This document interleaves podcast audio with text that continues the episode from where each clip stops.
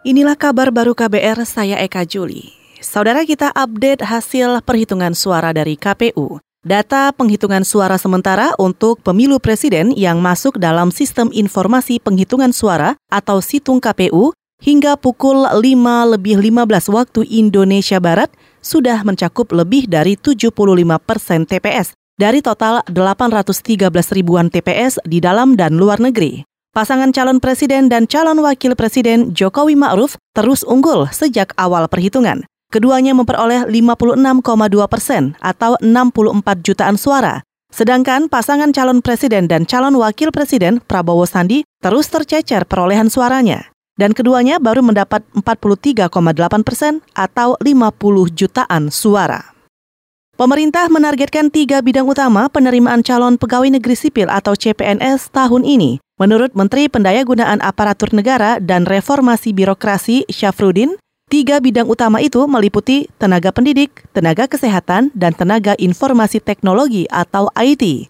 Menurutnya, tenaga IT diperlukan mengingat era digital semakin pesat, termasuk ancaman siber yang sering banyak menyerang pemerintah. Tahun ini kita akan merekrut ASN 100 eh, ribu CPNS. Tetap kita fokus kepada guru karena memang kita tantangan utamanya untuk membangun SDM. Kemudian yang kedua tenaga kesehatan karena sangat kekurangan. Kemudian aspek yang ketiga adalah teknologi IT. Diharapkan para anak muda kita di samping mempunyai pengetahuan teknologi untuk instansi lembaga yang punya kerahasiaan yang sangat tinggi antara lain TNI, Polri dan sebagainya itu rekrutmen tenaga IT kita akan tingkatkan. Menpan RB Syafrudin juga menuturkan fokus pembangunan negara tidak harus melulu pada masalah ekonomi atau sosial budaya. Pemerintah juga harus jeli melihat masalah keamanan termasuk keamanan siber. Apalagi menurut laporan yang ia terima, situs rahasia pemerintah tahun lalu sempat ribuan kali diretas.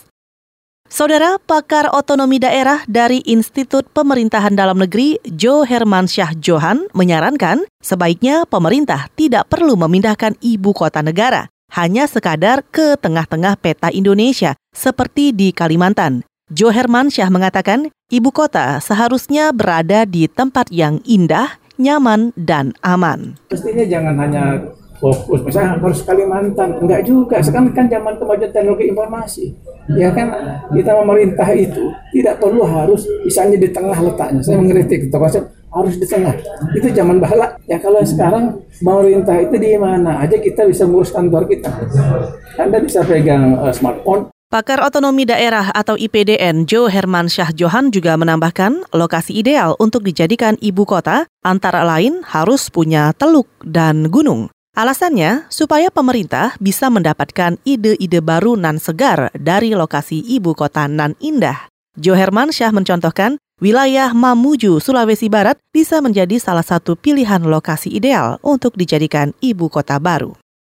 Akibat sering padamnya listrik di Aceh, banyak warga yang menyampaikan keluhannya ke PT PLN. Hal itu mendapat tanggapan juga dari Kepala Ombudsman Aceh, Takwadin, Menurut Takwadin, seringnya listrik padam di Aceh diduga karena persoalan interkoneksi.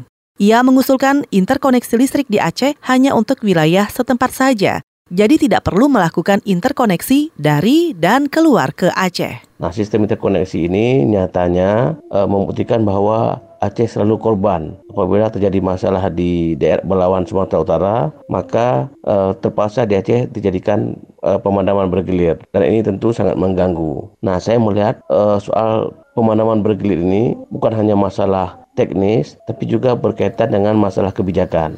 Kepala Ombudsman Aceh Takwadin juga mengimbau pelaksana tugas Gubernur Aceh Nova Iriansah untuk segera menaruh, menaruh perhatian dan mengeluarkan kebijakan tegas supaya listrik jangan terlalu sering padam. Apalagi saat ini sedang bulan Ramadan, bisa dibayangkan sulitnya beribadah tarawih dan sahur bila kondisinya gelap gulita.